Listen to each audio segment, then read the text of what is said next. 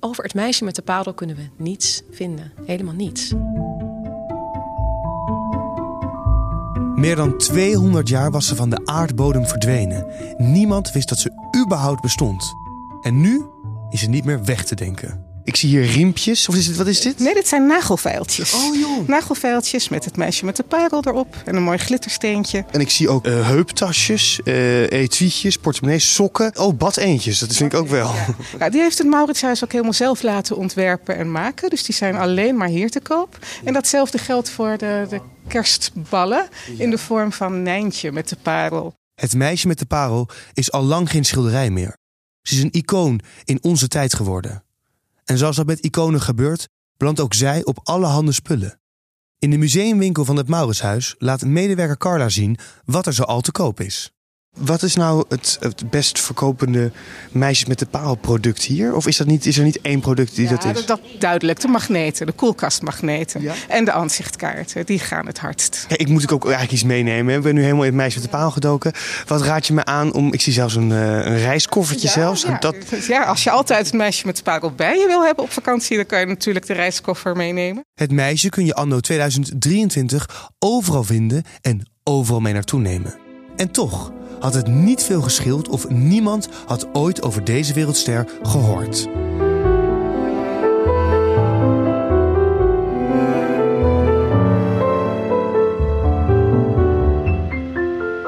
Dit is het geheim van het meisje met de parel. Mijn naam is Splinter en in deze podcastserie van Nationale Nederlanden, partner van het Mauritshuis, ga ik op zoek naar het geheim achter een van de meest mysterieuze schilderijen ter wereld. Wat bedoelde Vermeer met het maken van dit schilderij? Het enigma Vermeer, de Sphinx van Delft. Wat voor man was hij? Ik probeer heel de tijd te doorgronden van wie ben je dan eigenlijk? Over het meisje met de parel kunnen we niets vinden. Helemaal niets. Alleen al daarom zou ik het niet willen opgeven, want dan geven we eigenlijk het mysterie op. Meisje met de parel. Meisje met de parel. Meisje met de parel. Meisje met de parel. Meisje met de parel. Meisje met de parel. Meisje met de parel. Het is een fenomeen waar je moeilijk grip op kunt krijgen. Beroemd worden. Want waarom wordt de ene kunstenaar wel wereldberoemd en de andere vergeten?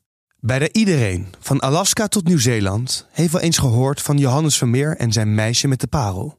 En al weten we weinig over de meester van het licht en zijn meisje, we kennen allemaal haar betoverende blik. Hoeveel duizenden mensen, jongens, meisjes, jong, oud, alles, zich laat inspireren door het meisje met de parel. Of door Vermeer in bredere zin, maar specifiek toch echt dit meisje. Het is krankzinnig, zij is iconisch. Zij is echt een, een held van onze tijd. Directeur Martine Gosselink ziet de aanbidders dagelijks voorbij komen in haar Mauritshuis. Van over de hele wereld komen ze om een glimp op te vangen van haar blik. Maar hoe is dat zo gekomen? Hoe zijn zij zo wereldberoemd geworden? Want Vermeer en zijn meisje waren 200 jaar lang van de aardbodem verdwenen.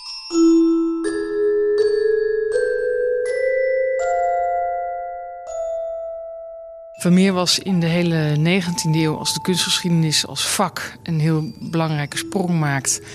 eh, vrij onbekend. Eh, het gezicht op Delft werd aangekocht in de jaren 20 van de 19e eeuw door koning Willem I.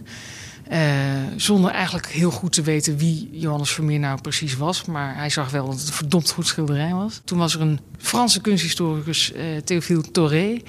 En hij heeft eigenlijk eh, het eerste speurwerk verricht naar wie was Vermeer, wat deed hij nog meer, welke meer, werk heeft hij nog meer gemaakt. Ja, en dan heel langzaam komt die eh Vermeer-manie op. En vooral dus grappig genoeg vanuit die Franse hoek. En ineens zie je dan de liefde voor Vermeer, die is gegroeid met vijf jaar echt eh, exponentieel. En dan wil ook heel Amerika wil Vermeers kopen. Hè. Frick en Mellon en, en, en eh, allerlei andere grootkapitalen waar dan, het geld is. De herontdekking van Vermeer leidt tot een ware goudkoorts in Europa. Iedereen gaat op zoek naar kunstwerken van deze mysterieuze man. Niemand heeft op dat moment nog gehoord van het meisje met de parel. Mensen weten niet eens dat ze bestaat. Als iemand iets weet over het ontdekken van onbekende schilderijen, dan is het wel Emilie den Tonkelaar van kunsthandel Hoogsteder en Hoogsteder. Zij is expert oude meesters en bekend van het fameuze tv-programma Tussen Kunst en Kitsch. Over het meisje met de parel kunnen we niets vinden. Helemaal niets. Dat is toch heel raar? Dat is heel raar. We weten dat ze in 1881 eh, door de Tombe en de Steurs is gezien op een veiling. De veiling Braams in Den Haag. Arnoldus de Tombe en Victor de Steurs, twee buurmannen uit Den Haag. De ene een rijke kunstverzamelaar, de ander een rijksambtenaar. En zij zien op die onbeduidende veiling een klein, onbekend werkje hangen. Een werkje dat niet in al te beste staat is en door iedereen wordt genegeerd. En terwijl op dat moment de hele wereld als ontketende ontdekkingsreizigers op onontdekte Vermeers jagen, nemen deze twee mannen een cruciale beslissing. Een beslissing die het lot van het meisje met de parel voor altijd zal veranderen. En eh, dan wordt het meisje met de parel voor twee gulden verkocht. En dan moet er nog 30 cent aan het veilinghuis worden betaald. 2 gulden 30 heeft ze gekost. 2 gulden 30, dat is toch een. Dat, als je nu daarover nadenkt, is dat krankzinnig. Hadden ze niet door dat het een Vermeer was? Was het niet populair? Werd de waarde niet van ingezien? Hoe kan het dat het voor zo'n laag bedrag voor eigenlijk een zakje snoep over de toonbank gaat? Ze hadden helemaal niet door wat er verkocht werd. Er waren twee mannen op die veiling. Die hebben met elkaar afgesproken toen ze daar samen rondliepen. Dit is een heel mooi schilderij. In het ene verhaal zeggen ze: Dit is een Vermeer. Wij gaan het samen kopen. We zeggen het tegen niemand. In het andere verhaal zeggen ze: Dit is een heel mooi schilderij, maar het is wel heel vuil. Dit moeten we kopen en dan laten schoonmaken. En dan komen ze er na de schoonmaak pas achter dat het Vermeer is. Maar in elk geval hebben zij twee samen afgesproken. Houden de prijs laag door het samen te kopen en het aan niemand te vertellen. Wat er gebeurd kan zijn bij het meisje met de paal is dat ze inderdaad heel vuil was. Gewoon een heel dikke laag vernis eroverheen. Dat daar gewoon niet doorheen te zien was A, de signatuur. En B, de kwaliteit van het schilderij. Want dat kan je soms gewoon niet zien als een schilderij heel erg vuil is. En met vuil bedoel ik dus een vernis wat bijvoorbeeld helemaal geel is geworden. Waar dan ook nog echt lage aangekoekt vuil op zitten. Van rook bijvoorbeeld. Dan is de kleur ook helemaal weg. En de, de, de, hoe ze ons nu aankijken bijvoorbeeld. En het glimmende en het heel erg helder en zo. Dat is dan allemaal verdwenen. Ja, kleur en details zijn dan echt verdwenen. 2 gulden 30. Het is krankzinnig. 2 gulden 30 voor een werk dat nu honderden miljoenen euro's waard is. En zelfs in die tijd was het aankoopbedrag een lachertje. Een paar jaar eerder werd een ander kunstwerk van Vermeer, de kantwerkster, voor het duizendvoudige verkocht. Een werk dat, mag ik dat zeggen, toch een schim van het meisje met de parel is. Als je kijkt, het, uh, zo'n kantwerkstertje uh, en die interieurscènes, uh, het melkmeisje, al dat soort stukken. Als je dat in je hoofd hebt als Vermeer, dan is natuurlijk het meisje met de parel ook een heel ander schilderij. Een tronie. Dus het is heel anders dan wat je verwacht bij Vermeer. Het meisje met de parel duikt dus op tijdens een veiling in 1881 in Den Haag. Dan moeten we toch te weten kunnen komen wie het werk heeft ingebracht, waar het vandaan komt. Als we dat weten, misschien kunnen we het werk traceren naar het begin. Was het dan toch van Ruiven en zijn vrouw de Knuit die het gekocht hadden en Vermeer hadden voorzien van dat peperdure pigment ultramarijn? Of was het toch iemand anders? Was het meisje met de parel een geheimwerk voor een mysterieuze opdrachtgever? Een opdrachtgever die koste wat het kost onzichtbaar wilde blijven? Je denkt het is heel simpel. Je hebt een veiling in 1881. En dan wordt gezegd veiling Braams bij het Venduhuis der Notarissen in Den Haag. Nou, dan ga je naar het archief en dan pak je de verkoopcatalogie eh, van dat Venduhuis uit 1881. En er zit er één tussen en dat is de collectie Braams. En dan zie je nummer zoveel is het meisje met de parel. Nee dus. En het wordt nog spannender. Er zou een kwitantie zijn geweest van die veiling. En die is kwijt. Die is niet te vinden. Die zou er zijn geweest. En die is niet te vinden. Dat is toch heel gek? Je zou toch denken dat zij een goede accountant of weet ik veel wat hebben... waardoor het allemaal goed ge, administratief allemaal goed bijgehouden is? Ja, het is dus heel raar dat je dat niet kan vinden. En het is natuurlijk allemaal overlevering. Hè? Het is allemaal verteld en verteld en verteld. Ja, wat is nu de waarheid? Je ziet de eerste krantenberichten daarover. Um, 1902 en daar staat dan ook in, ja, ze is daar tentoongesteld en daar. En dat klopt allemaal helemaal niet. Dus men weet het eigenlijk gewoon niet waar ze vandaan komt. Misschien is ze wel helemaal niet in 1881 geveld. We weten dus heel veel niet, maar we weten wel dat, woord, die naam Braams. Wie, wie zijn dat dan? Hoe komen zij aan het schilderij?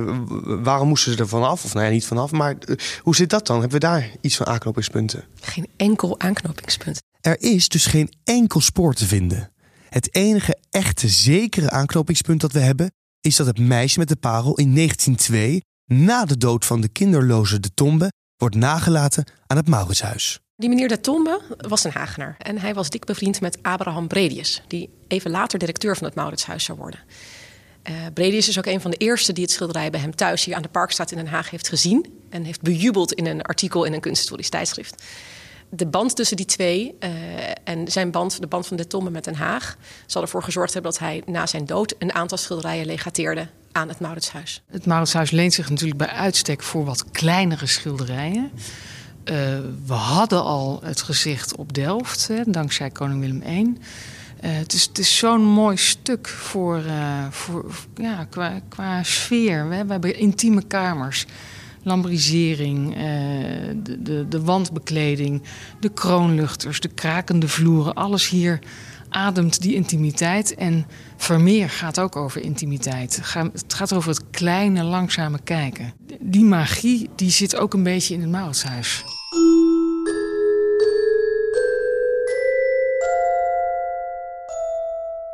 Toch is het meisje met de parel slechts één van de vele schilderijen die in het Mauritshuis hangt. Mooi, dat zeker, maar niet speciaal. En dat blijft bijna 100 jaar zo. Totdat ze ontdekt wordt.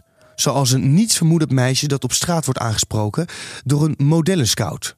Vanaf dat moment wordt het meisje met de parel groter dan groots. Hollywood groot. En het is dan ook niet verrassend dat haar ontdekker uit Amerika komt. I first saw it in my sister's apartment in Boston in 1981. Obviously, not the painting itself, but a poster she had on the wall. I'm Tracy Chevalier. I'm a novelist. And I walked in and I saw that face on the wall and I fell in love. Um, so much so that the next day I, I went out and got a poster for myself, which I still have after all these years. It's sort of torn and faded, but it's still hanging in my office. De Amerikaanse schrijfster Tracy Chevalier raakt helemaal in de ban van het meisje met de parel. Zo vertelt ze me over de telefoon. De kleuren, de mysterieuze blik. Jarenlang droomt ze ervan om de oceaan over te steken en het schilderij in het echt te zien. Als er een grote vermeertentoonstelling is in het Mauritshuis in 1996, waagt ze de sprong en ontmoet ze haar ontdekking in het echt. I still kept looking at her. And one day, probably about 18 months after I saw her in person, I was lying there and I thought, I wonder what she's feeling. Is she happy or sad? And it suddenly dawned on me that she's not looking at us. We think she's looking at us, but actually, when this was painted, she was looking at him for all those amount of time he was painting her. And that look on her face might actually be reflecting how she felt about him. Voor Tracy was het ideaal dat er zo weinig over het meisje en Vermeer bekend was. Nu kon zij aan de slag met die mysterieuze blik. En ze verzon een fictief verhaal over een relatie tussen de schilder en zijn dienstmeid, die ze Giet noemde. De verbeelding van Tracy sloeg aan en het boek werd een succes. De verfilming met Scarlett Johansson uit 2003 maakte zelfs van het meisje een Hollywoodster. I am so glad that um, I didn't know this was going to happen when I wrote the book because I think I would have been frozen in terror and never written it. Het meisje met de parel is volgens Tracy zo'n succes omdat ze zo universeel is. Door de tulband zien we haar haar niet. Onze hersenen vullen, wie het meisje is, voor ons in. She is kind of a universal representation. And when you think about it, if you look at her, we don't know what color her eyes are. We don't know what color her hair is. Her face is turned at such an angle that we don't really know the shape of her face. We don't really know specifically what she looks like. And what's interesting is that I have had many readers over the years write to me and say, I've always loved this painting because she looks like my aunt. She looks like my teacher. Somebody even wrote to me and said, Tracy, you wrote about that painting because she looks like you. And I thought, uh, no, I don't think so. Um, and uh, people have sent me photographs of their daughters and their neighbors and their aunts dressed up as Girl with a Pearl Earring. And they say, look, doesn't she look just like the painting? No, they don't look like her. But there is something about her we can we can reflect ourselves in, in her because she's got these sort of universal features. En dat universele karakter, die kenmerkende tulband en parel, die combinatie maakt dat iedereen het meisje kan spelen en kan zijn. En mensen, waar dan ook ter wereld, kruipen massaal in haar huid. Vooral de laatste 10 à 15 jaar werd haar verschijning iconisch. Only when, you know, Instagram started and Twitter took off and people started living online much more and making their own content so that they could dress themselves up as girl with a pearl earring and not just take a photograph and send it to the author which is what they did way back when but now they post it and to get likes and you know they make tiktok videos and all of it's become very much about it's become what i would call performative by the people who are responding to the painting Eigenlijk is er een tweede kunstwerk ontstaan. In onze cloud, en dan, zoals wij dat met z'n allen doen. Het meisje met de parel is eigenlijk al lang geen schilderij meer. Ze is een collectieve manifestatie geworden. Ze heeft het doek verlaten en zweeft nu rond in de gedachten van miljoenen mensen. Het werk is niet alleen een inspiratiebron voor gewone stervelingen, ook kunstenaars, filmsterren en muzikanten zijn bedwelmd geraakt door haar blik. Erik de Jong, alias Spinvis, is een succesvolle Nederlandse artiest. Hij schreef het nummer Parel nadat hij zich liet inspireren door, precies, het meisje met de parel. Heel de wereld in een lijst. De toeristen gaan voorbij. Als ze weg zijn, blijf jij staan. Die tekst die ik heb geschreven gaat niet zozeer over het schilderij zelf, maar meer over de beroemdheid van het schilderij. Dus alle, alle kopieën die er, dus de, het meisje op t-shirts, het meisje op koffiekopjes en iedereen eh, die reproducties maakt van het meisje. En daar gaat het liedje ook eigenlijk over. Er is een heel erg eh, behoefte aan, aan het hoogste, het grootste. En het meisje is dat geworden. Waarom is dat zo gekomen? En dus de hele ja, de marketing om kunst heen vind ik zeer interessant. En, en het meisje met de parel is een beetje onze Olympische kampioen dan. Ja, het gemaakt. Ja, want het heeft 200 jaar daar gehangen. Het hing daar gewoon, zonder dat niemand het heel erg bijzonder vond. Het, hing, het was natuurlijk bijzonder. Maar het is pas veel later heeft iemand dat op, op waarde geschat. Of in ieder geval, de, stier van Paulus Potter was altijd de hit van het museum. Maar als jij dan het meisje aankijkt, begrijp je dan dat, waarom het zo wereldberoemd Nou, is geworden? Of- Dat is dus wat ik heb gedacht. Eh Johan Smeer is erin geslaagd om een of andere manier om iets te maken wat even goed. En nu worden mensen misschien boos, maar ik vind de reproducties, dus alle kopieën van kopieën van kopieën, dan werkt het nog steeds. Als je voor de nachtwacht staat, dan pas denk je, oh wauw, je kent al de kopieën wel, maar als je het echt ziet, dan voel je de kracht van het werk en de kleuren en alles. En de grootheid. En de grootsheid. Dat kan alleen het origineel. Terwijl het meisje met de parel is, is op een of andere manier eh, fantastisch te reproduceren. En dat, dat is buitengewoon bijzonder. Want die man heeft dat honderden jaren geleden op een of andere manier... Het wist hij natuurlijk niet, maar heeft hij iets gemaakt wat zo sterk van karakter is. Dat zo boven de verf zweeft. Dat het eindeloos te reproduceren is. En dan werkt het nog steeds. Door die kwaliteit is het meisje met de parel gewoon in huis te halen. Als poster, zoals Tracy deed, of als reiskoffer of als koffiekop. Die blik werkt nog steeds door. Oud, jong, het maakt niet uit. De aantrekkingskracht is onweerstaanbaar.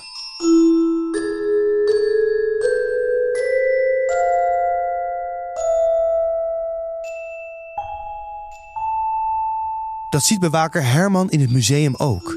In zaal 15, waar het meisje met de parel hangt, ziet hij de meest bijzondere dingen ontstaan. Bijvoorbeeld peuters die verkleed gaan. Eh, iedereen maakte plaats, zodat het leek alsof de zaal helemaal leeg was. En die ouders zetten dat kleine kindje op de grond voor het meisje met de parel.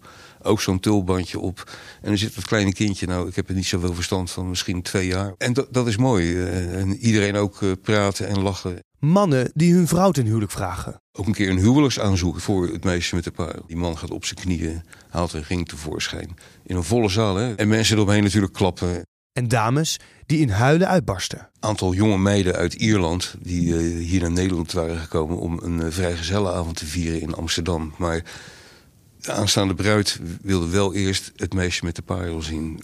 En die kwam met haar vriendinnen hier naartoe en ze hadden volgens mij al een klein slokje op. Maar janken, janken, janken toen ze voor het eerst het meisje met de parel zag. En dat was wel heel mooi. En die meiden om haar heen er troosten en de tranen afvegen. Al de make-up was doorgelopen en zo. En toen ging ze weer voor het schilderij staan en, en, weer janken. Ja, dat, dat zijn toch fantastische dingen. Ik probeer de hele tijd te doorgronden van wie, wie ben je dan eigenlijk? En je zweeft nu door heel de wereld. En iedereen claimt haar of denkt haar te kennen. Verkleedt zich als haar mannen, vrouwen. Iedereen doet, doet die, die tulband om, maakt een selfie. Uh, je bent ongelooflijk. Uh, je bent een godin geworden eigenlijk. Maakt het jou ook rustig? Ik zie, als je erover praat, zie ik je bijna in slaap vallen is niet het goede woord, maar je, je gaat meer zitten als het ware. Ik, ik denk dat ik weet waarom hij dat heeft gedaan. Ja, waarom, waarom zijn ziel dat wilde doen. Waarom dan in jouw Ja, om niet te accepteren dat de wereld alleen maar gewelddadig en slecht en gevaarlijk is. Maar dat er in de mensen ook iets heel, een soort iets heiligs is. Iets heel vredigs en, en moois. Dus het is, het is een verlangen. Het is een verlangen naar, naar, vredig, naar een vredige wereld. Voor Spinvis is het meisje met de parel dus de verpersoonlijking van vrede, van universele vrede. En daarom is zij zo beroemd, zo geliefd, zo aanbeden. In het nummer Parel bezingt hij niet alleen de roem van het meisje, maar probeert hij haar ook te kunnen vangen. Waarom bestaat ze? Waar komt ze vandaan? Wie is ze toch eigenlijk? Kijk, een naam, uh, je geeft iets een naam om het te kunnen vangen. Mm Dat is wat uit de Grieken al bedachten. Van, op het moment dat je iets een naam geeft, dan, dan eigen je het jezelf toe. En uh, dat doe ik ook nu met het schilderij, met de meisjes. Ik geef het allerlei namen. En in de, in de hoop dat, er, dat je het kunt vangen. Mm -hmm. Maar het gaat niet lukken. Nee. Je probeert het wel, maar het is een wanhopige poging om iets te doen wat toch niet gaat lukken. Ik noem je vogel.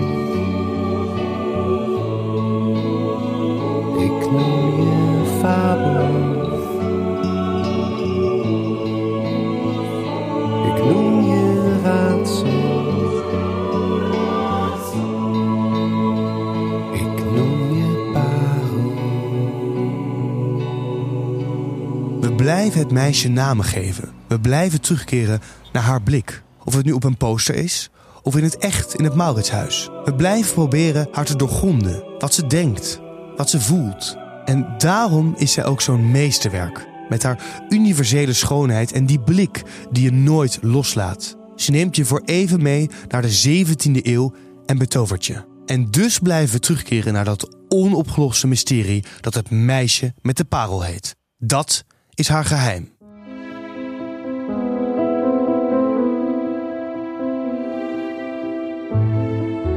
Mijn reis zit erop, maar ik kan en ik zal altijd terugkeren naar Den Haag. Naar dat fantastische, mooie meesterwerk van Vermeer.